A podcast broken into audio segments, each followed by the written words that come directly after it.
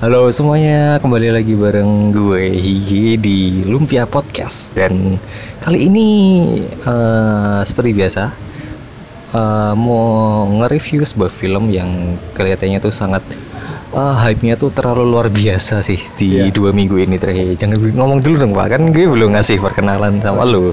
Nah, seperti yang udah di seperti yang udah kalian dengar semua ini ada selain gue ini ada satu lagi temen yang mau ikut uh, apa ya review film ini setelah kemarin menonton pertama kali dan kesannya kelihatannya buat itu luar biasa dan kali ini gue bareng.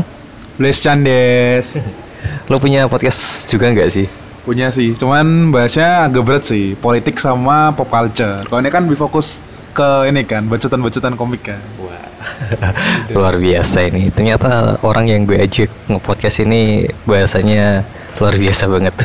Nah langsung aja kali ini uh, kali ini kita mau ngebahas film Avengers Endgame ya Rick. Yoi. Nah di Avengers Endgame ini uh, adalah apa ya bisa dibilang tuh film penutup dari Infinity Saganya MCU ya. Iya. Setelah 11 tahun yang lalu itu dimulai dari Iron Man pertama terus itu juga hitungannya sih apa ya kayak hmm, apa ya taruhan sih itu kayak karena tahun segitu sih Marvel kan belum apa ya belum punya hak filmnya dari karakter-karakter besar yang yang mereka punya tuh kayak X-Men, Fantastic Four, terus oh, iya. apa Spider-Man kan juga Spider-Man juga belum punya. Spider-Man ah, itu kan waktu tahun 2008 berarti itu masih di tangan Sony sama Fox dan hmm. pas waktu itu sih gue yakin sih banyak yang belum tahu siapa sih Iron Man itu dan as buat yang non comic reader sih biasanya itu uh, mungkin banyak yang nggak tahu si Iron Man itu siapa dan kala itu 2008 filmnya rilis dan sabutnya sabutannya sih luar biasa banget. Dan itu juga eh, nggak uh, lepas dari peran aktornya itu Robert Downey Jr. yang bisa membawakan karakter Tony Stark itu.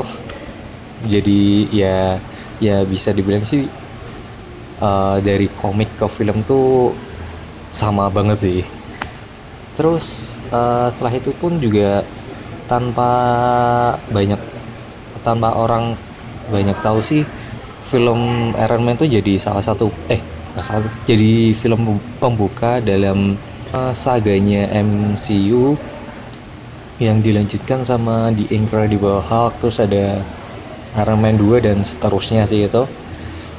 Yang film eh, masing-masing film tuh punya keter uh, bisa dibilang tuh menyambung satu sama lain. Dan apa ya setiap film pasti punya kan ya punya kesan-kesan tersendiri sih buat kita masing-masing yang menonton. Dan ya benar emang gue juga punya kesan-kesan eh kesan tersendiri sih. Terus di apa ya dulu yang paling menarik sih pas uh, mungkin pas film Avengers pertama 2012 di rilis itu mungkin apa ya di, bisa dibilang salah satu film superhero terbaik sih. Karena akhirnya bisa mempertemukan semua hero-hero Marvel yang di film-film sebelumnya tuh uh, mereka berdiri sendiri-sendiri dan di film Avengers 2012 itu akhirnya mereka bisa bersatu di satu film dan itu keren luar biasa. Terus lanjut lagi di Avengers 2 Age of Ultron terus ada apa ya terus uh, di Captain America Civil War itu juga hitungannya juga bisa mempertemukan superhero superhero lain meskipun itu filmnya berfokus ke Captain America sih. Terus selanjutnya itu di Avengers Infinity War itu bisa dibilang adalah salah satu puncaknya di saganya Infinity yang ya Marvel sendiri bilang ini di cap uh, sepanjang film uh, sepanjang dari Iron Man dan sampai Avengers Endgame itu bisa dibilang namanya Infinity Saga karena film-film ini tuh berfokus ke Infinity Stone uh, eksistensi Infinity Stone di dunia MCU dan kemarin eh, kayaknya hampir dua minggu ya Hmm, udah dua minggu sih. dua minggu Avenger in. Endgame itu rilis dan hype-nya tuh luar biasa sekali Eh, sangat-sangat luar biasa di kalau kita lihat dari yang sebelumnya tuh Endgame itu sangat hype-nya tuh bisa dibilang tiga atau lima kali lipat lah dari film-film Marvel sebelumnya karena sebelumnya sih kan udah dibuka ya Hmm. eh, pembelian tiketnya tuh dari seminggu ya kalau nggak Seminggu. salah seminggu Pas dan itu tuh di jam 12 malam meskipun ya gue juga salah satu orang yang ikut bertarung sih pas itu jam 12 malam tapi sayangnya servernya itu server di pembelian itu sempat error dan baru bisa normal tuh tangga eh bukan tanggal sih jam 1 atau setengah dua pagi sih itu dan pas gue cek lagi tuh udah udah keisi semua. bar- barisan Tinggal at- bawah-bawah. barisan A, B. atas sampai tengah itu udah fully pes dipesan gitu karena dan tapi untungnya sih gue masih punya kesempatan untuk dapetin satu kursi di barisan agak tengah ke bawah sih dan untungnya sih dan itu pun uh, udah full sampai lima hari ke depan dan ini si Arik ini baru bisa nonton seminggu setelahnya ya Iya, Mas sakit itu setelah Menahan rasa lu sakit. kan teman-temannya kan udah nyepoiler nyepoiler kintil banget. dengan semua. tidak dengan Shit. tidak punya hati sekali itu langsung Untungnya kan. sih Ada kata maaf buat kalian semua. dan untungnya sih eh, kalau buat gue sih ya kena spoiler gitu sih sebenarnya ya emang cukup menyakitkan sih tapi kalau belum menonton film filmnya secara langsung tuh kayak eh, belum bisa merasakan emosi dari ceritanya sih Nah itu pak. cerita spoiler ceritanya sih itu Eh, takutnya tuh kita tidak bisa menikmati jalan Ya, ceritanya bener. pak. Sudah 11 tahun menunggu pak film seperti ini. Dengan anaknya langsung di spoiler kan sakit bapak. bener sih Tidak Kayak- bisa. ya Tiga bener. sekali, nggak boleh itu. Wah, Terus apa lagi? ya? Ah di Infinity eh, di Endgame ini ceritanya sih masih ber menyambung dari film Avengers eh, Infinity Infinity Wars yang dirilis tahun Dua- 2018 dulu. Ini kayaknya rilisnya tuh hampir mendekati setahun ya. iya. Selang setahun doang Selang gitu. setahunan. Karena gue lihat di memories Facebook tuh kayak pas tanggal kemarin eh April ya akhir April Iya. atau Mei ya itu di Infinity tahun War 2018 juga 27. gue ngepost film tiketnya Infinity War sih. Terus Infinity War. ceritanya sih ber, eh, nyambung dari Infinity War Infinity Wars yang akhirnya Thanos bisa melakukan ambisinya setelah mengumpulkan 6 Infinity Stone dan dia pergi ke planet yang namanya Garden ya kalau saya Iya. dengan sebutan eh dia dibilang Garden. garden sih karena emang bentuknya sih kayak kebun-kebun gitu Hijau sekali. iya dan penuh dengan buah yang aneh bentuknya terus apa lagi dan itu pun eh, kalau dibilang kalau gue bilang sih di film ini ada tiga arc ya. Ah, arc pertama terus yang kedua itu yang eh waktu Avengers tuh kumpul-kumpul lagi. eh, berkumpul lagi untuk me- meminjam Infinity Stone di area waktu yang area- waktu yang udah masa lalu sih bisa bilang dan terakhir tuh arc ketiga itu waktu akhirnya Infinity Stone udah bisa direbut eh diambil kembali dan eh, Avenger bisa mengembalikan beberapa eh, mengembalikan orang-orang yang sebelumnya itu kena Snap. uh, snap atau decimationnya Thanos. Nah di act, per- act pertama tuh buat gue sih itu rasanya kayak anti klimaks banget sih banget. ya. Karena Thanos tuh di sini tuh kayaknya udah apa ya? uh, udah ya udah kalau selama eh sebelumnya kan dia udah uh, ambisinya tuh cuma mengumpulkan Infinity Stone untuk menyeimbangkan dunia ya Hmm. dari ya. terus dan setelah ambisinya itu bisa tercapai dia pergi ke garden dan eh ya dia dia menganggap misinya itu udah selesai dan dia bisa menikmati Pensiunnya. eh, masa-masa quote and quote pensiun di garden terus di- sementara itu di bumi eh eh, di bumi setelah Tony Stark dan Nebula itu terombang-ambing di luar angkasa selama 21 hari. 22 pak Oh, 22 malah. itu juga kayaknya uh, foreshadowing film Marvel yang totalnya sama sama Endgame itu 22 sih kalau nggak Oh iya, oke. Iya. semacam foreshadowing gitu notesnya terus dan mereka tuh ya bisa diselamatkan sama Captain Marvel, Marvel. yang di- entah kenapa bisa tahu koordinat pesawatnya itu loh. Kayak hero-nya di situ sih. Ya gimana ya Captain Marvel sih buat gue sih di MCU ini terlalu karakter yang OP banget sih. Overpower banget terlalu. Uh, dan mungkin Russo Brothers ini uh, berusaha untuk ya me- apa ya namanya ya menurunkan apa Ya kayak nerf sih soalnya uh, kan. men- men- sedikit menerf Mm. kekuatannya sih di sini juga dengan berbagai alasan kayak Captain Marvelnya dia banyak tugas, banyak planet yang harus diselamatin kayak gitu-gitu.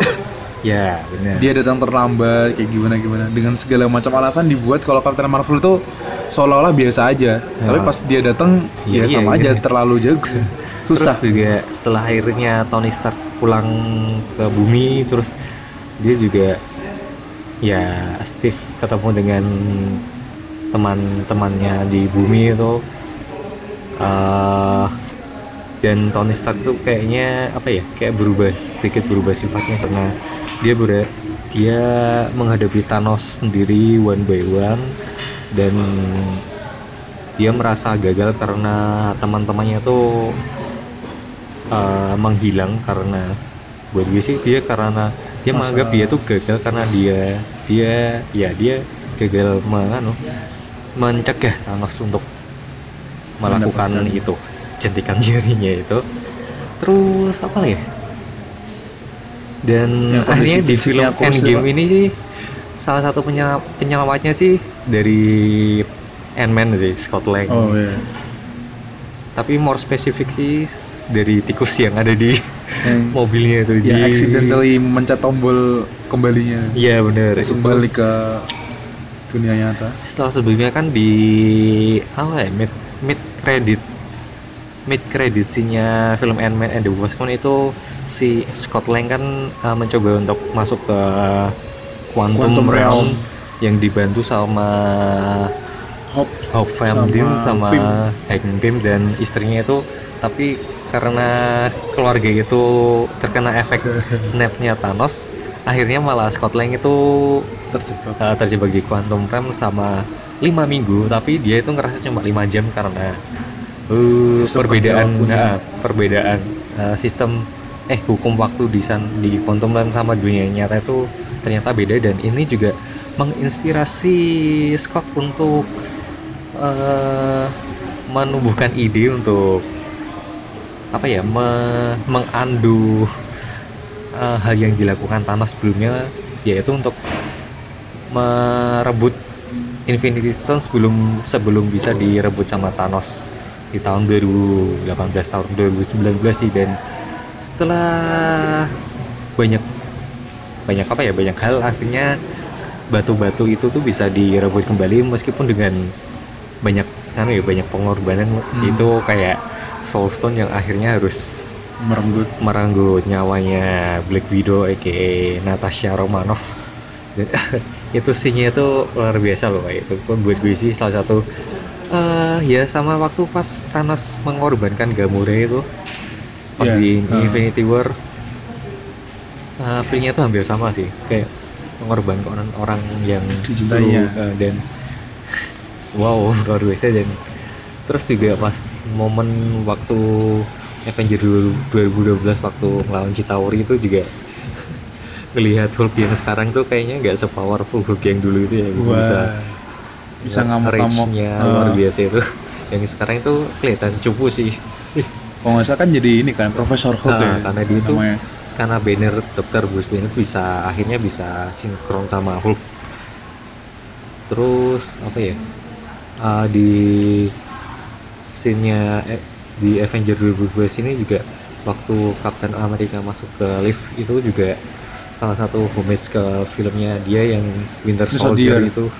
Itu buat gue salah satu best scene di MCU sih tapi akhirnya harus di uh, ketegangannya itu harus di take down karena dengan kata-kata Hail Hydra itu buat gue sih buat kecewa sih. Mungkin buat gue pribadi doang ya tapi entah buat yang lain mungkin beda. Tapi ya itulah garis keras Winter Soldier sih buat gue. Iyalah, kan ceritanya waktu Winter Soldier kan ini apa? eh, Hmm. hampir semua shieldnya kan antek-anteknya Hydra. Hmm, terus juga apa ya? Eh, ternyata juga pas di Avengers 2012 itu di New York juga di lain sisi di Ancient One-nya gurunya Doctor Strange itu juga ternyata ikut membantu mereka dengan ya apa ya membantu untuk melawan Chitauri di sisi lain dan pas Hulk mau minta Time time Stone. itu ternyata dia terlalu cepat 4 sampai 5 tahun ya kalau nggak salah. Iya. Dan ternyata Ancient One itu dia udah merhatiin Strange sebelum dia ada kecelakaannya itu. Ya, dia itu Udah tahu kalau uh, Sorcerer Supreme selanjutnya tuh adalah Dok- uh, Strange, Stephen Stephen Strange. Strange. Terus apa lagi ya pak? Hmm. Waktu Ancient One kaget kenapa Strange ngasih Heeh. Time Stone. Oh iya benar itu. Itu bahkan itu Ancient One tuh juga gak tahu loh. Speechless agak speechless sih. Walaupun sebenarnya yang eh, dipakai Strange dari 14 juta sekian kali itu. eh, cuman di Karena kayak kan kelihatan juga sih. itu kan si Ancient One juga me- apa ya menjelaskan ke Hulk kalau kalau dia mengambil Infinity Infinity Stone dari realita lain Uh, juga dia, dia akan menyebabkan percabangan eh, alternatif ending apa apalah alternatif itu pokoknya lah. Tapi berkat sekali dia ngomong kenapa? Tapi uh, Stephen Strange merel apa ki uh, ngasih dia rela merelakan time stone-nya diambil. Dengan kata merelakan itu akhirnya pandangannya si Ancient One itu berubah? Terus dibilangin kalau kalau dibalikin lagi bisa bener lagi. Ya benar apa namanya eh, jalan waktunya. Eh, terus setelah itu tuh di New York terus oh di Asgard itu juga itu waktu nganu ya Thor Dark World itu iya dan akhirnya dia ketemu Jane Foster lagi di sini si mantan pacarnya. Waduh duh. Tapi BTW di sini tuh Jane Foster yang diperankan sama Natalie Portman itu eh, itu dia tuh cuma mengambil nganu footage yang nggak dipakai di film sebelumnya sih dia. Dengan kata lain tuh Natalie Portman tuh nggak sama sekali nggak ikut andil peran di Endgame ini. Jadi ya di sini ini tuh dia cuma ngan- ngambil footage yang nggak terpakai di film sebelumnya. Tapi eh, dia cuma menyumbangkan suaranya doang sih sedikit waktu pas awal Thor sama Rocket itu datang itu. Ya itu doang sih oh juga ada cameo-nya kan pas Loki masih di penjara itu. Oh iya itu astaga Wah. kenapa? Tapi juga hebatnya sih di sini tuh pas di waktu Thor sama Rocket mengambil apa ya ether itu Ether. dari tangannya Jin itu si ibunya Thor itu namanya siapa ya? Riga kalau nggak salah itu. Ternyata tahu kalau Thor itu di masa depan. Ah, dari masa depan ya karena ibunya itu ya dia itu seorang penyihir jadi tahu sama tahu apa yang bakal terjadi terus juga waktu dia mau mati pun juga sebenarnya dia tahu tapi dia tidak mau mencegah hal itu terjadi dan di sini juga akhirnya Thor mengambil lagi Mjolnirnya setelah sebelumnya tuh Mjolnirnya itu diremek sama kakaknya sendiri itu si Hela iya sih Hela waktu di bumi itu dan di sini juga Thornya akhirnya dengan kata lain punya dua senjata yaitu Stormbreaker sama Mjolnir. Mjolnir. Oh ya btw Thor di sini tuh eh, penampilannya itu besar sekali sih. Itu mendekati sebelum setelah sebelumnya kan Thor kan itu dengan badan yang ya atletis lah dengan rambut piralnya terus tapi di endgame itu digambarkan kalau Thor itu setelah lima tahun itu apa ya eh, jadi orang yang terasa terlalu apa tuh me- Menyalahkan diri sendiri, menyalahkan menyalahkan sangat juga. menyalahkan diri sendiri sampai dia tuh jadi lupa dengan kewajiban dan bentuk tubuhnya ya. itu yang luar biasa. Wow besar ya. Dengan kata lain di sini Thor tuh jadi gendut banget dan obesitas sih. Nah eh, bukan bu- belum sampai obesitas sih. Itu masih yang itu kan gendut sih kalau begitu sih siap. Terus juga dengan rambut yang berewokan sih. Dan itu kayak penggambarannya banget di kalau di mitologi Norse sih. Dan di sini si Korg yang temannya waktu di Sakar itu balik lagi jadi Oh iya. streamernya Fortnite ya Iya, di streamer pun. jadi dengan ini sih Iya, jelas. menjelaskan kalau ternyata Fortnite itu masih berjaya tahun 2023 dibanding Apex Siap, siap. luar biasa kalau Untuk habis ini- Master 69. oh iya habis ini dia mau install nganu lah Fortnite lah siap, siap. daripada Apex Ah, terus apa lagi ya pak yang mau dibahas Ah, setelah kan tadi waktu di Mir terus di New York dapat dua eh dapat tiga sih terus ada waktu di ini di Asgard oh satu lagi sih waktu Rhodes James Rhodes sama Nebula, Nebula. waktu uh, dap- mau dapat Power Stone-nya Di Morak bukan sih? oh iya benar di Morak. Morak waktu REG. waktu Itu sumpah singkat banget itu si siapa namanya? Star Lord ya. Eh, Star Lord cepet banget. Itu kayak ya itu sebenarnya waktu callback di openingnya Guardian of Galaxy pertama sih waktu Peter Quill mau Nyuri. uh, nyuri di reruntuhan itu. Itu bener-bener gak dikasih apa, cuma dikasih suara sebentar terus gak ada suaranya juga joget gak jelas. ya itu goblok banget sih emang. Ternyata Peter Quill itu orangnya goblok. Seriously. Tapi di sini tuh di Endgame itu War Machine armornya keren banget. Bulky tapi ya itu sesuai namanya sih. Sangat War Machine banget sih. Dibanding waktu penampilan dia di Iron Man 3 tuh jelek banget. Tapi uh, waktu di Iron kedua sih waktu pertama dia muncul itu armornya keren. Di Iron, Iron Man 3 yang Patriot uh, apa sih namanya? Patriot apalah itu Iron. Patriot Ah, gitu. Iron Patriot. Itu jelek banget sih sumpah terus di Warnanya juga kayak Nora gitu. Iya benar. Age of Ultron ya lumayan lah, tapi di yang di sini di Endgame itu armornya keren banget, gede, penuh dengan senjata, mantap pokoknya. Terus pas setelah melewati Di baraknya belum. oh ya di barak, barak. waktu oh ya btw waktu di barak tuh dia eh, Tony sama Steve itu berusaha untuk mengambil ya? Terserak Tesseract sama karena sebelumnya apa namanya? oh eh, Ramuannya PIM. tim partikel itu karena sebelumnya di waktu di Iya. 2012 itu mereka gagal dan akhirnya Loki bisa kabur dengan insiden ini jadi itu semacam menimbulkan apa ya timeline baru Iya, timeline mungkin baru. ya karena btw juga nanti juga katanya Loki bakal punya serial TV, TV sendiri sih mungkin uh, dari sini itu serial TV-nya ceritanya, ceritanya bakal mengambil dari setelah Endgame ini mungkin lo ya. Hmm, terus uh, di barak itu ada penampilan cameo terakhirnya Stanley ya. Iya.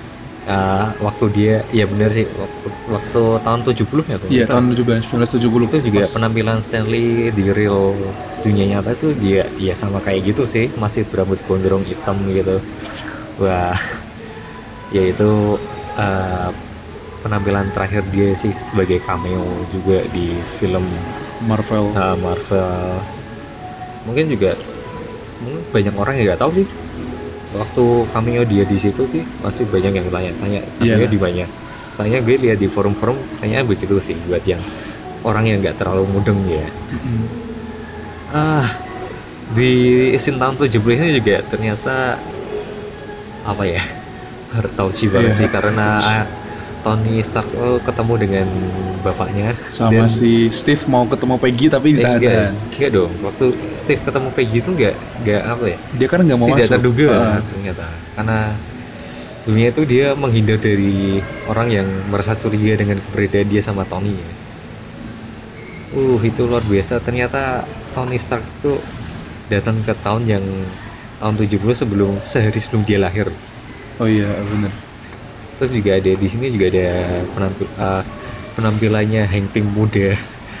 Itu sama waktu kayak di Captain Marvel pas eh, Nick Fury sama Agent Coulson di aging efeknya. Di sini juga eh, Hank Pym di di aging biar kayak biar kelihatan muda dia dan, Dan di pun juga ada kan ya cameo-nya helmnya Oh iya, kami helm awalnya Ant-Man pertama banget itu yang bunder sama ada Gede-gede banget lagi. anten dua anten Dan itu gede banget tuh. Iya itu ber itu waktu pas di flashbacknya Ant-Man kayaknya helmnya nggak kayak gitu ya Rick? Enggak, enggak ada banget. Saya ingatku. Kayaknya lebih feature banget sih kalau kalau nggak salah ya, bentuknya lebih feature banget ya dibanding Ah. yang dua bentuk sama bahkan udah antena. bentuknya udah helm kecil ini helm helm gede tau oh iya benar sih terus ya di situ Tony memberikan apa ya nasihat dan juga eh, dia juga memberikan kata-kata terima kasih secara eks terselubung sih buat bapaknya itu.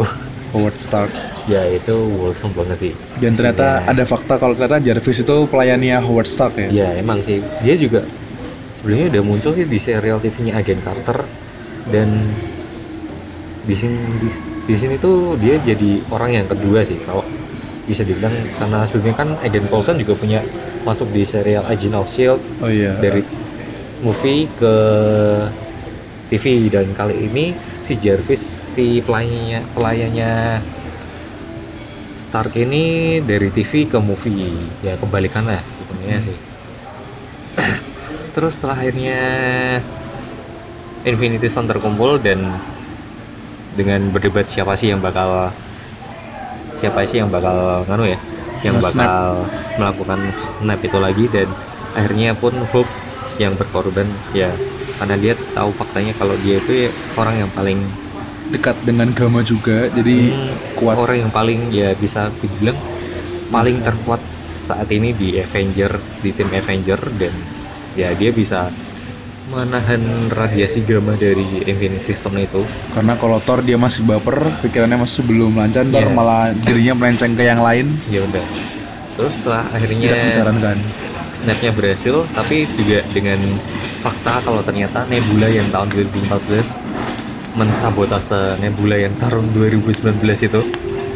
Karena mereka tuh ternyata ya bisa satu net bisa connect Ya, satu satu network dan gue itu masih bertanya gimana caranya bisa connect satu network gitu loh karena dibilang Nebula yang dari Wisconsin kan udah di upgrade Iya, bisa dibilang sih dia juga harusnya udah up, eh, dia lebih tinggi daripada yang 2015 tapi kenapa 2000 yang Nebula 2014 itu bisa eh, terkonek dengan Nebula yang sekarang?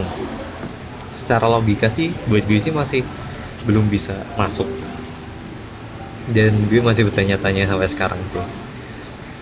Dan eh, si Nebula yang 2015 ini ternyata mengundang eh jadi pembuka kunci untuk mengundang pasukannya Thanos yang 2014 untuk eh, time travel ke 2019 dan apa ya untuk Langsung. mengambil Infinity Stone-nya tanpa bersusah payah lagi karena para Avenger udah berhasil mengambil Mengumpulkan. mengumpulkan ke 6 Infinity Stone-nya itu. Dan akhirnya arc ketiga itu dimulai pas itu ya perang itu. Pas itu pas pertama sih pas eh, para Avenger. Nya masih itu sih minus minus Black Widow yang statusnya udah wafat. Iya sih. baru sadar mereka semua ya waktu udah Ah. balik. Dan oh ya belum itu kan pas pertama mereka kembali eh, nganu melakukan apa ya penghormatan terakhir untuk Black Widow sih pas itu waktu di danau itu oh iya di dalam lempar Waktu- bunga apa something Iya benar. Itu ya sedih banget sih. Fakta kalau ternyata setelah uh, Hulk men menjentikan jarinya dia ter- ternyata nggak bisa ngebalikin Natasha apalagi itu sedih banget. Eh terus apa lagi ya? Itu pas oh ya pas scene-nya pertarungan itu yang pas Clint eh, akhirnya pas Thanos datang dan markas Avenger itu diledakkan sih itu. Wow. Brutal sekali. brutal iya benar itu brutal sekali dan tanpa ampun banget sih itu si Rod Thanos sambil sih. cacat dua kali. Hah? Oh iya sambil cacat dua kali. Itu pastinya sinya Clint Barton Hawkeye itu pas di bawah tanah itu sendirian Dikejar-kejar itu sih. eh, sama dikejar sama apa ya itu oh, iya. namanya apa sih Anjing-anjingnya. alien-nya? lupa apa ya Eh, kayak anjing ya, sih itu. bentuknya emang kayak Serius sih. anjing kan itu mestinya horor sih kayak nge- ngebangun feel horor gitu. banget karena kan itu di ruangan yang gelap tertutup dan dikejar sama monster alien itu yang menakutkan sih itu ya bisa dibilang membangun feel horror juga tapi itu keren sih di mana Ken Barton bisa mengatasinya Ah. karena kan dia dapat dua skill ya selain Oh, dia iya. bisa mana sama sekarang udah jadi Ronin di sini juga sebelumnya Clint, Clint Barton itu pas waktu event lima tahun itu dia itu jadi apa ya superhero yang namanya bukan nih superhero sih kayak orang yang namanya Ronin dan dia melepaskan nama Hawkeye sebelum ini jadi kayak pembunuh bayaran sih Oh. buat gue dan dia kan dibayar Ya. literally dia sebelumnya kan sinya waktu di Jepang itu keren banget sih pakai bahasa Jepang Iya, wi- wibu. Marvel Waduh. Ghost Wibu. walaupun saya agak kaku tapi bagus Eh, BTW itu orang yang dilawan Clint Barton itu kalau nggak salah aktor tokusatsu kalau nggak salah. uh Dan akhirnya si Clint Barton itu ditemui sama Natasha Romanoff lagi. Setelah sebelumnya waktu si Natasha dikabarin sama Rodi itu waktu di Meksiko itu ada mayat-mayat yang gembong narkoba itu yang apa ya mati di dalam satu ruangan ya itu yang dikira efek snap ternyata bukan Oh enggak, bukan efek nam, itu perang Iya, antar kan, geng sih. dia kan dibilang geng. itu gara-gara Thanos bukan bukan ini perang geng. eh, Tapi semua tapi si Natasha itu tahu ternyata itu perbuatannya si Clint Barton sih. Karena kelihatan banget sih. Jadi kan mereka kan udah teman lama juga ya. Heeh, Kayak yang semacam feeling. punya love interest juga sih. Meskipun si Clint udah punya istri dan anak sih. nangit nangit sekali Natasha Iya, Romanoff Iya iya iya iya. iya. Ya. Eh, oh ya, gue lupa sih pas bagian act 2 itu waktu eh nanti bahas nanti aja sih nanti bahas yang act 3 ini Eh si di act 3 waktu pertarungan kalau gue sih nyebutnya itu battle for battle of earth ya karena ya di sini sih eh, akhirnya setelah 11 tahun film ini di MCU dibangun sih akhirnya para hero-heronya itu bisa dalam satu satu satu tempat untuk bertarung bersama dengan skala yang besar kayak.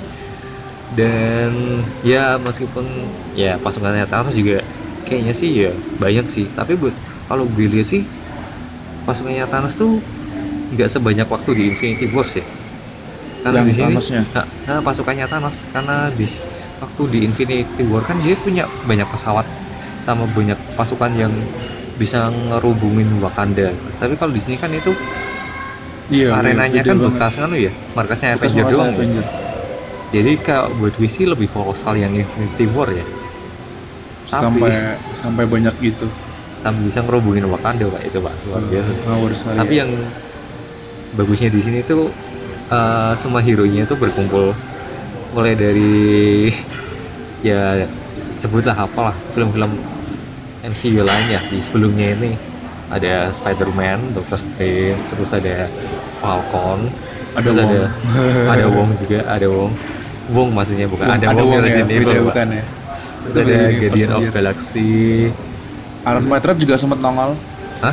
iya sempat Eh. nongol Iron Patriot Ah, Iron secara Patriot. secara random iya ada nongol lihat? jadi waktu waktu Captain America apa semuanya deketin Captain America tuh sempat ada Iron Patriot Gue malah nggak di sini malah gitu. ditulis di IMDb cuman sempat merhatiin sih ada Iron Patriot Padahal kan seingatku itu Iron Patriot sama War Machine kan sebenarnya tinggal di orang, eh, kan? satu orang di beda paint doang kan. Enggak agak bingung sih kenapa gak ada. Mungkin teman-teman bisa dicek lagi ya yang nonton Ya, dua kali atau tiga kali. lagi. Terus juga ada para pasukan Wakanda juga dan juga Black Panther dan adiknya Shuri yang kembali lagi dari Snap juga itu. Luar biasa.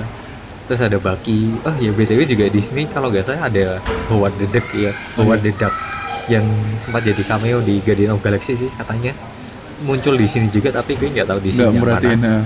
Terus juga ada The Wasp, Wasp sama ya Wasp sih. Eh ada Valkyrie juga.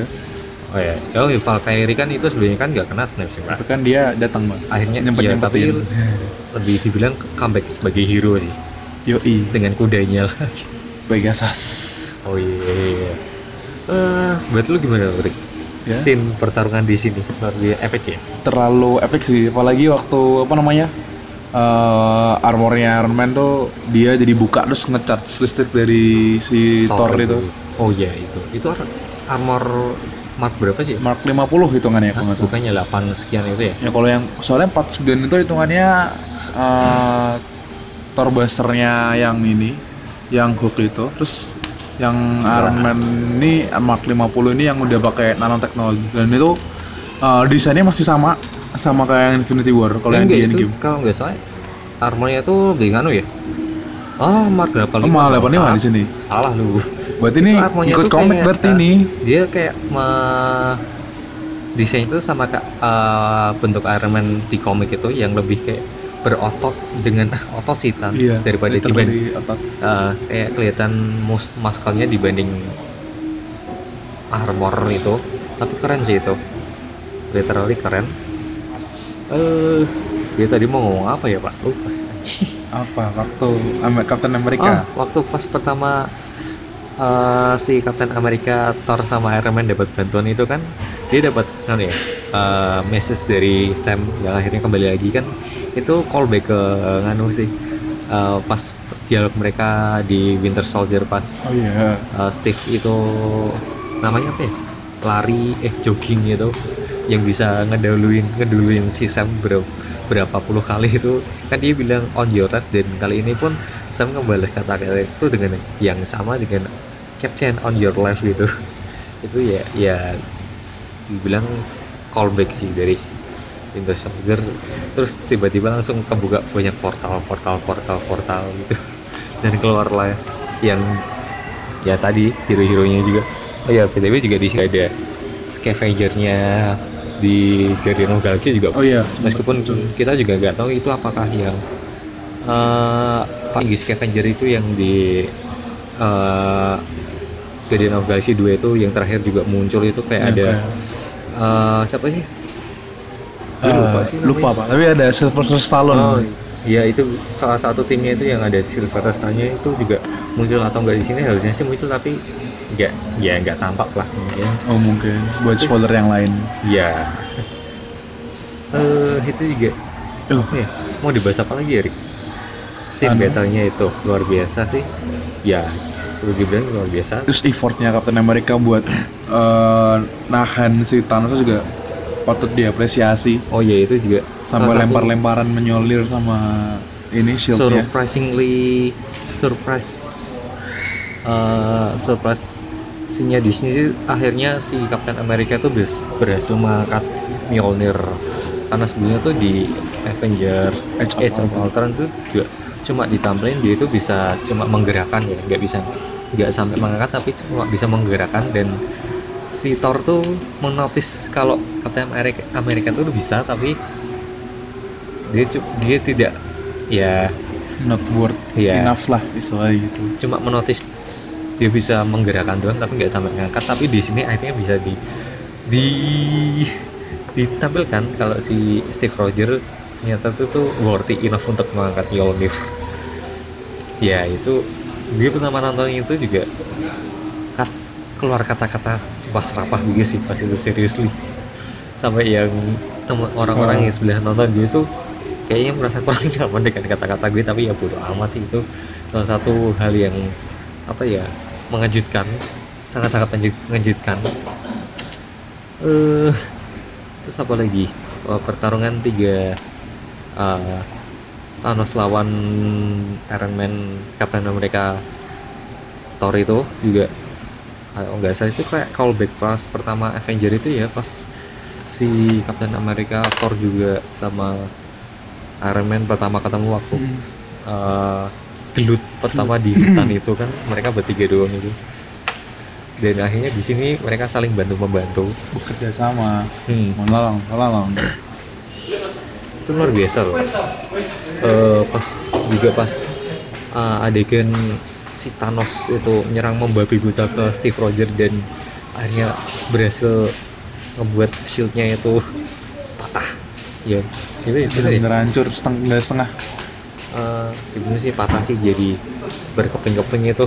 Ini kayak menggambarkan kalau harapan harapan para manusia tuh udah habis gitu. Terus juga pas adegan menarik sih pas itu para hero-hero cewek berkumpul itu nah pas waktu Hai, si I'm Peter Peter. Parker itu kan dia berusaha untuk apa ya membawa lari Infinity Gaunt- Gauntletnya itu sejauh mungkin dari dari area pertarungan tapi malah dihadang dan akhirnya dibantu sama pertama sih di dia dibantu sama Pepper Potts yang akhirnya di sini tuh dia bersedia untuk memakai armor yang di, sama, Tony Stark. Karena sebelumnya Tony Stark sendiri pun belum uh, berkata kalau semua hadiah yang di gue kasih ke dia tuh nggak pernah dipakai ke dia bilang gitu ke anaknya sih. Jadi anaknya di sini tuh anak anaknya Tony Stark itu lucu banget.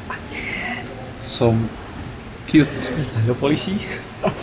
Kalau terus juga di sini namanya belum nggak disebut ya kalau dia jadi armor apa gitu tapi Belum. kalau orang-orang ini dia rescue gitu ya. Ah, armor rescue rescue. armor. terus juga setelah itu juga para hero-hero cewek berkumpul itu itu sangat apa ya homage ke komik. Salah satu seri komik Avengers sih A A Team kalau nggak salah gue. Film Di A kom- Team. ah, sebentar gue cari. Harusnya sih ada. Ada sih harusnya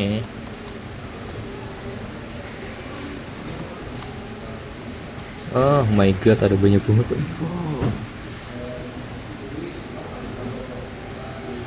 Oh ya ini, bener. A-Team, All A Female Avengers.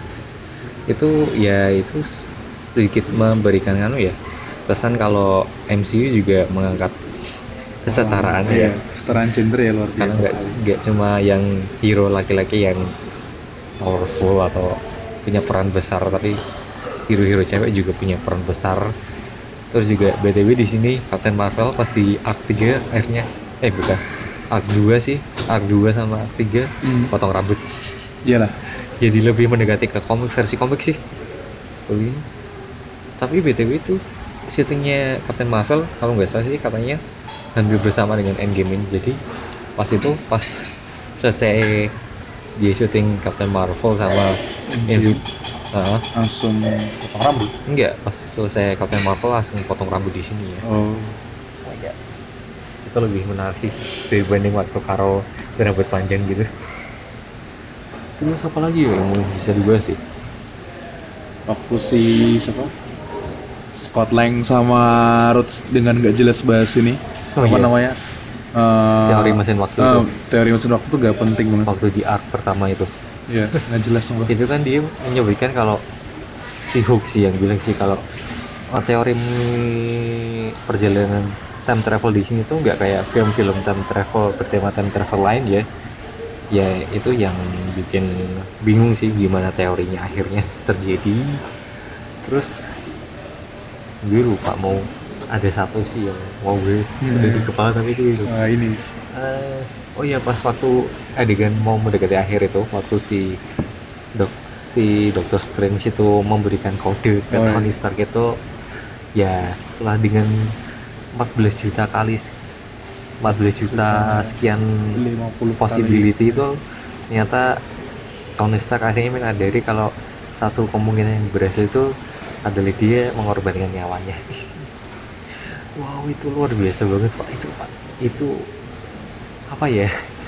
Sebuah dead flag banget ya. Ya, karena emang kalau berlama-lama ntar masih bisa dikejar sama Thanos. Karena kan bedanya Thanos yang masa lalu sama yang 2019 itu kan Thanosnya dia belum pakai gak apa gaun kan jadi dia udah di kondisi terfitnya dia. Hmm. kondisi terkuatnya dia. Jadi ya susah lah. Oh ya btw ngomongin Thanos itu pasukannya kan dia dari tahun 2014 ya. Hmm. tapi Black Order Ordernya di sini kayak nggak punya peran sama sekali mereka cuma muncul pas waktu pasukannya itu datang pertama dan selanjutnya ya bahkan Ebony mau nggak kelihatan nggak kelihatan kalau kosong nggak kosong ada. banget gitu. Ebony mau cuma jatahnya dia cuman kayaknya cuma bikin partikelnya PIM itu Nah, doang itu. sama ngebuka si nebulanya itu.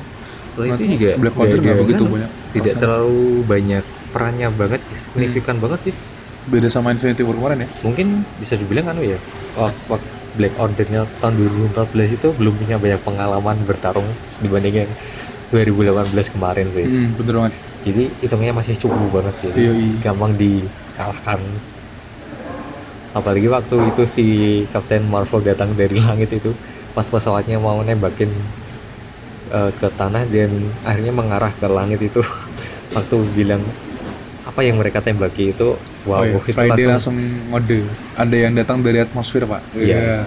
itu langsung itu tanpa ampun loh langsung tabrakin diri ke pesawatnya Thanos gitu. Luar luar, biasa. biasa loh Uh, itu kalau Captain Marvel datang ya lebih awal mungkin bakal lebih cepat sih menangnya sih kembali lagi tadi caranya Rosso bersaudara untuk menerf Captain Marvel ya ya benar biar Oke. dia nggak kelihatan terlalu OP meskipun dia percuma juga kayaknya ya meskipun pas per, uh, one by one sama Thanos di akhir itu dia akhirnya ya nganu sih bisa diimbangi sama Thanos sih Hmm.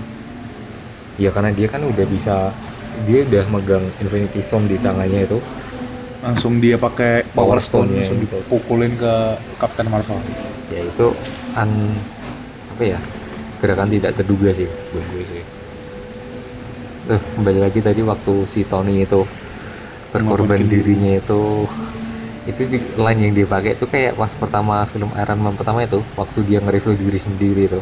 Oh, iya. I am Iron Man di sini juga kembali lagi waktu terakhir pas dia bilang si Thanos itu apa ya yang tidak terkalahkan atau apa gitu tidak lupa. terhindarkan Ah, tak terhindarkan dan si Tony pun ngebahas I am Iron Man itu ya satu lagi callback dari film sebelumnya. Di sini juga terpakai dengan dengan kata itu yang bikin merinding banget serius. Banget. Dan setelah itu dia nge-snap pasukannya Thanos hilang. Dan si Thanos hilangnya terakhir-terakhir sih tapi udah sadar dia kalah langsung duduk dia. Nah dan akhirnya si Tony pun ya terkena efeknya itu ya. Kekuatannya Sinar. Infinity Infinity Stone yang terlalu besar sampai terbakar gitu. Setengah badannya rusak. Dan langsung ternyata dia kritis banget. Kondisinya dan dalam kondisi Oh, kritis. pedes banget. wow.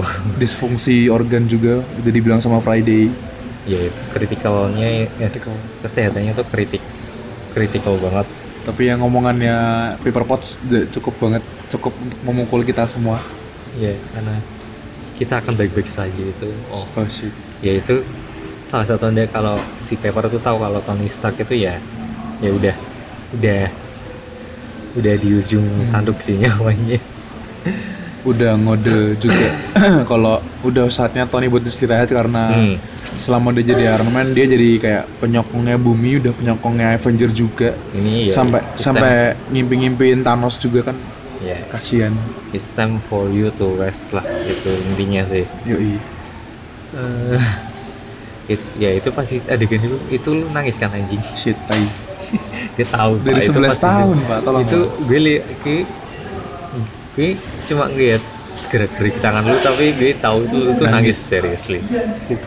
Meskipun gue nonton ya udah nonton dua kali dan nggak terlalu ngerasa itu momen yang bikin gue nangis tapi ya itu terlalu salah satu momen heartbroken lah di sini lah. Seriously. Eh, terus juga aftermathnya sih pas waktu pemakamannya si Tony juga Nah, itu. itu yang terlalu kan ada bikin sedih ini lah. tuh banyak ya semua hero berkumpul lah untuk mengang eh, mengantarkan kepergian. pergiannya dan meskipun itu kepergiannya waktu di uh, Repulsor tuh dadanya itu ada tulisan proof that Tony has a heart itu. Kenapa harus itu gitu loh? Kenapa waktu dilarung itu kan. Eh, shit. Terlalu itu terlalu sakit teman-teman. Ya ya meskipun gue ketawa sih pas li- lihat tulisan itu sih. Proof that Tony has a heart itu.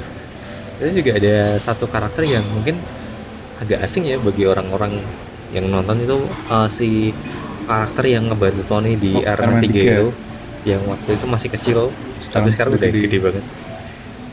Itu juga banyak orang mengira itu salah satu next Iron Man gitu tapi ya janganlah ya. Terlalu out of ini ya. Hah? terlalu gimana ya kalau lihat dari track recordnya MCU kayaknya jangan Iron Man yang ya janganlah mending mending Morgannya sekalian sih. Iya mungkin sih. Ya gue ya berharap ada yang nge- ngegantiin lah.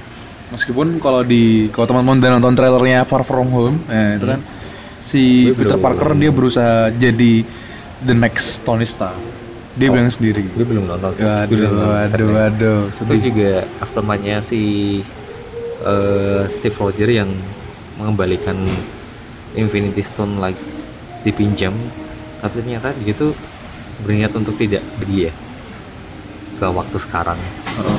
dan eh, yang bikin gue bingung di sini kalau gue ngerasa sih si Steve Rogers ini eh, hidup di dua waktu yang bersamaan ya Oh, oh. waktu itu kan akhirnya pas beberapa titik pas Steve pergi itu dan si Hulk gak bisa ngembaliin dia eh, si Bucky itu ngelihat di tepi danau itu ada orang tua duduk. Ya, orang tua duduk dan dia tuh curiga gitu. Terus ngundang Sam si Sam untuk datang ngedeketin dan di sini gacha-gachaannya dimulai. Gacha-gacaan siap. Si Sam eh si Bucky itu nyuruh Sam untuk maju duluan dan gobloknya dia kenapa nggak nemuin si Steve si Bucky nggak nemuin Steve dulu itu? Malah akhirnya si Sam yang tahu kalau ternyata itu si Steve Roger yang udah berusia lansia lah kalau dibilang kan. Dan dia dia emang sengaja dia itu apa ya kayak menuruti perkataan Tony untuk apa sih hidup hidup jadi biasa ya apa Oh, gitu menjalani hidup gitu. hidupnya dan ya dia me- menuruti kata-kata itu dan. Dia merasa worth ah, sekali. man, I- I'm speechless seriously. Terus juga yang anehnya di sini juga ton, eh, si Steve punya tamengnya lagi loh. Terus dunia kan itu hancur. Yang waktu pertarungan itu hancur di sini dia punya tamengnya lagi tuh kan yang bikin gue ini dia Ah. mundur kan ke masa lalu. Ya itu itu masih menimbulkan pertanyaan sih Eh. sih. Yang akhirnya itu si tamengnya itu dikasihin ke Sam, Sam. Untuk jadi Falcon. Eh, penerusnya. Captain Ya. Murica si Sam sendiri pun juga sebelumnya nggak menyangka sih dia bak dia bakal dikasih war diwarisi nama Kapten Amerika bukan ya. Captain Falcon ya teman-teman? Ya. Tapi ya gue masih berharap di selan- film selanjutnya di MCU selanjutnya si Val si Sam ini punya kostum baru untuk ya mendukung mendukung nama barunya dia juga sih di MCU kalau di komik kan ada ini star di chestnya Hmm. ikutin eh, kostumnya ini Captain America. Ya bener sih. Dengan tidak meninggalkan kesan Falconnya yo iyo. Ya gue berharap lebih sih itu mungkin jadi next Captain America. Mumpung bayar bayarnya masih murah. Iya iya. Mumpung Cap film Mal- Falcon belum ada ya? Eh, belum ada sih. Kan cuma nu- numpang di Captain America doang sama Iya. ini sama Avenger ya padahal gue masih berharap sih si Bucky yang punya nganu dapat tameng itu ya meskipun secara track record dia tuh punya banyak reputasi yang buruk ya sebelumnya. Di sebelumnya karena dia tuh pernah jadi antek-antek Hydra ya ya karena dia dikena brainwash ya itu sih. Ya tapi ya, ya, mungkin ini uh, salah satu jalan terbaik yang diambil MCU menjadikan Sam dibanding Bucky jadi next Captain America.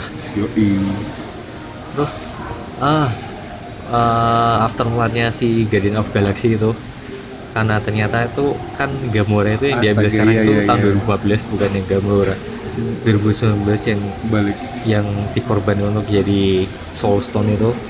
Dan Gamora pun nggak tahu sama sekali kalau dia kan tergabung ke Guardian Galaxy dan akhirnya dia pun pergi sendiri gitu. Dan di sini eh, si Peter Quill yang akhirnya kembali bersatu lagi sama timnya itu punya misi untuk ya Mencari mengembalikan Gamora. lagi ya. Gamora. Eh, apa ya mungkin ini plotnya Guardian of Galaxy 3 ya selain berhadapan sama Adam Warlock mungkin. Mungkin ya mengembalikan Gamora lah Gamora juga. Oh ya satu lagi. Si Guardian of Galaxy ini punya member baru Oh, yaitu yaitu Thor. Yang sekarang menyerahkan jabatan rajanya itu ke Valkyrie. Valkyrie. Dan sekarang Thor ikut eh, pertualangan ke luar angkasa sebagai Asgardian of Galaxy nggak jelas semua. Eh tapi As Guardian of Galaxy itu juga ada komiknya sih tahun 2018 kemarin hmm, kalau nggak salah apa tuh 2017 gue lupa. Saya belum baca pak. Ada namanya juga sih. Lupa saya. As Guardian of Galaxy juga. Oh, iya. random tapi ya. Ya di sini juga si Thor dan sama Peter Quill memperebutkan apa ya Eh, ku- apa? Eh, leader. Posisi kapten Eh, posisi kapten. posisi kapten. Sampai di mau buat bunuh-bunuhan visual apa pistol sama sama sama Rakun sama Nebula oh harus Eh, ada perlawanan Nebula, Pak. yang senjata kan si Rakun mantis, mantis yang Oh, iya. memprovo- memprovokasi mereka kurang ajar ya mantis ya wah ya Tapi mungkin muka-mukanya Thor tuh dia kayak anu ya, provokasi juga ya. Dia pengen Iya. jadi pemimpin kan. ya kan mukanya ya Thor. dia selama ini kan bi- terbiasa jadi pemimpin ya mungkin Ya, iya sih. ya ya berarti kita bisa lihat Thor lagi sih nanti di Galaxy 3 apalagi itu ya pak ya formatnya itu ya.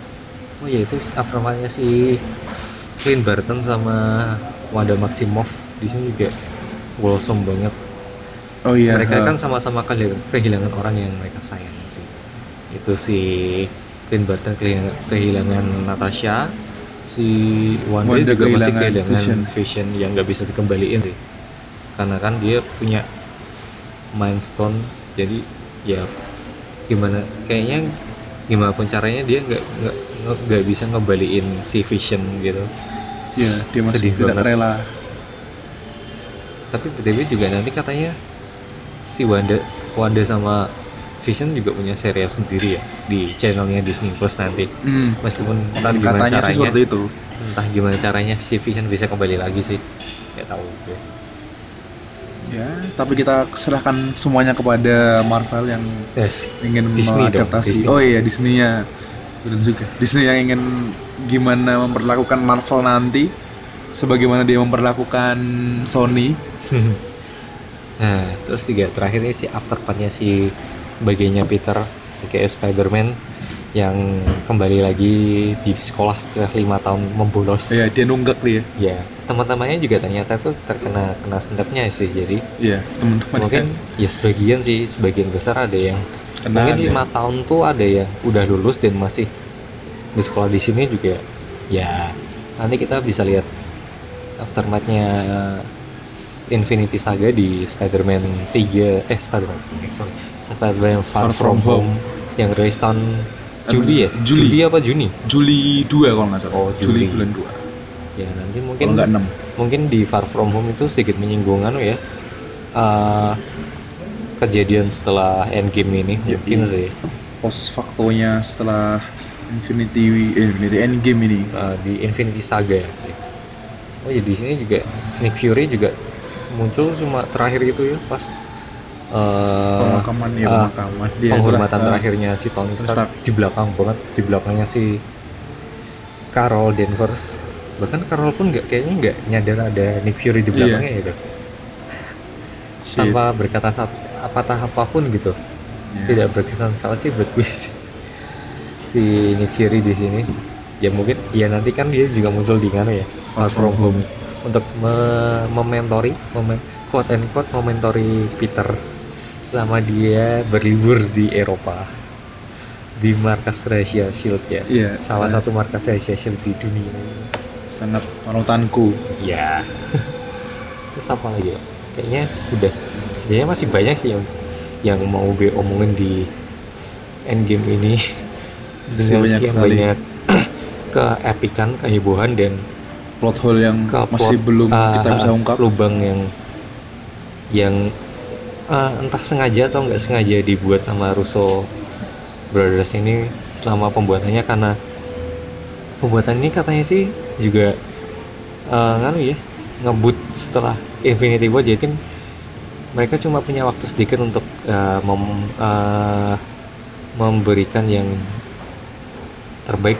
Ya kalau nggak salah mereka juga pernah ngomong gitu di salah satu wawancara kalau semisal mereka diberi waktu lebih mungkin mereka bisa memberikan cerita yang lebih wah sih jadi ya ya bak- tapi ya hasil yang sekarang sih Dia cukup memuaskan juga. ya sang cukup Sangat memuaskan memuaskan juga. tapi kalau buat gue sih ini Endgame ini adalah salah satu film Marvel yang terbaik meskipun bukan yang terbaik kalau buat gue sih yang masih terbaik itu uh, The Win Captain America Winter Soldier sama Civil War sih Siap. sama End- sama Infinity War mungkin ini ya Endgame itu bisa dibilang di bawah Infinity War sih buat gue kalau lo gimana Rik? Nah, ya karena saya ini ya gantung Di di Iron Man ya? ya. Jadi saya masih bertahan sama Iron Man yang pertama. oh Itu karena emang berkesan banget ya. Selain itu cocok banget buat openingnya MCU. Itu juga cocok banget eh, Penutup buat ya? eh, penutup banget karena eh, kalau teman-teman nunggu sampai ini kredit akhirnya itu eh, palunya- nggak ada kan ya, nggak ada post palu. credit scene ya. Nggak ada, cuman emang dikasih buat kayak penghormatan terakhirnya Easter buat heeh. Easter egg sama apa eh, empat karakter yang empat karakter sih, iya empat karakter ya, empat karakter apa enam kalau nggak salah itu sempet ditayangin Oh, gede iya. banget ada tanda tangannya Ah, juga, enam original membernya Avenger movie sih. iya eh, Ah, namanya. ah, yang scene kreditnya mereka sama tanda tangannya itu. Nah itu bener-bener ya, kayak wah shit, gak kerasa ya di 11 tahun tributnya, kayak gitu. tributnya sih. Eh, tribut banget. Juga terakhir tadi kan yang seperti yang di Arik bilang itu yang pas kalau kita masih bertahan di kredit titelnya itu kok terakhir ada suara kayak besi diketok-ketok itu kan kayak uh, tribut ke film Iron Man pertama waktu si Tony bikin Mark One itu waktu dia masih jadi tawanannya Ten Ring sih kalau nggak salah. Dan ring ya. Ah, Ten Ring atau Mandarin Mandarin yang asli yo ini bukan yang Bukan Mandarin Mandarin yang uh, Sir Ben Kingsley yang Iron Man 3 itu yang fake yang gak jelas actor literally aktor Buset, itu bermain wanita. itu troll banget itu salah satu Shit. troll terbesar di film itu. Target, targetnya kan ini biar terkecoh. tapi banyak orang yang marah sih karena troll itu sih tapi buat gue sih itu troll, troll terbaik di salah satu Iya. film salah satu inilah keunikannya MCU kan dia nggak terlalu kaku Eh, sama ceritanya. nah mungkin itu aja ya yang untuk saat ini yang bisa Iya. kita bahas mengenai endgame ini ini udah buset itu satu jam pak luar biasa Sangat panutan sekali ya. iya iya Membahas gak apa-apa lah pak Komik film dong lebih film jam. movie oh iya, komik. film adaptasi komik selama satu jam. ya mungkin ya meskipun gue gue tahu ini bakal ceritanya bakal muter-muter sih pembahasan kita sih Pasti karena tanpa skrip sama sekali kita cuma bahas apa yang kita ingat sama Yang tontonan paling kemarin. kita ber, yang membuat kita paling berkesan di endgame kemarin nah so mungkin sampai ini aja ah oh iya btw saat ini direkam tanggal tanggal ini tanggal berapa sih Ini tanggal 7 Eh ya benar tanggal 7 Mei Iya. 2019. berarti besok itu ada uh, detektif Pikachu ya rilis ya lu Yoi. mau nonton ya Niatnya sih nonton sendiri pak, kan bapak kerja sampai malam. wah Sementara waktu termalamnya jam 7 pak. Pepet sama terawih pak, susah. Wah, oh susah. iya, ini kan ya rilisnya sayangnya pas mendekat pas bulan puasa ya, jadi terpentok sama tarawih. Terawih. Tarawih itu apa ya? Oh shit. enggak, enggak, enggak, enggak. Here we go Enggak, enggak, enggak. Saya tidak mau menista, saya tidak mau menista. ya mungkin meskipun kita nonton sendiri-sendiri mungkin bisa kita uh, review juga barengan lagi mungkin atau Easter egg-nya kali ya. mungkin bisa bisa. ya mungkin pas apa ya seminggu ke depan ya mungkin bisa kita ulas filmnya detektif detektif Pikachu karena ya secara gue kalau nge-review sendiri sih kayaknya nggak terlalu gue nggak terlalu mudeng sama dunia Pokemon sih karena Siap, siap. gue tahu lu lu kan yang lebih tahu dengan universe-nya Pokemon itu dan karakter Pokemon Pokemon apa aja mungkin siap. ya itu alasannya mungkin gue mau undang lu lagi buat collab lagi di Siap podcast ini bosku, siap. so that's it gue capek men ngomong sejam aja Siap. Eh, penutupan aja gue Hige dan Bless Chan. pamit undur diri bye bye